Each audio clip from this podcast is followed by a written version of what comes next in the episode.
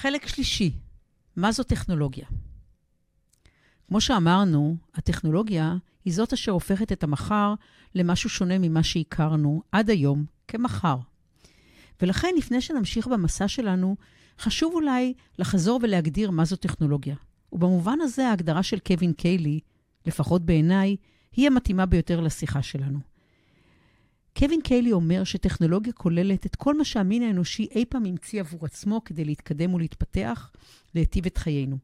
קווין קיילי כולל בזה את המצאת הערים, המוזיקה וכמובן את הכתב.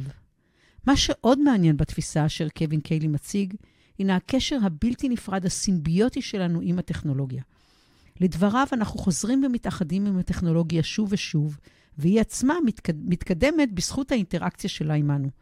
התיאור שלו, אשר אהוב עליו, עליי במיוחד, הוא התיאור של שני גברים אשר יושבים במערה וממלמלים אחד לשני, וזורקים אחד לשני חפצים שונים.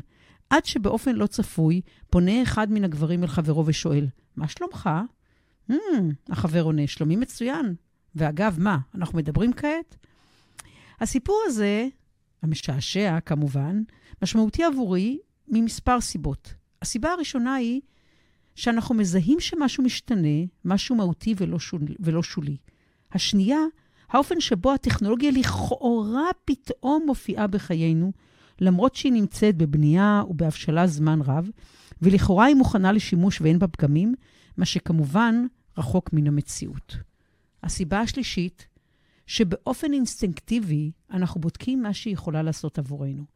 כיצד היא יכולה לשפר את חיינו, ולא תמיד ברור לנו מן ההתחלה כיצד זה עשוי להתרחש.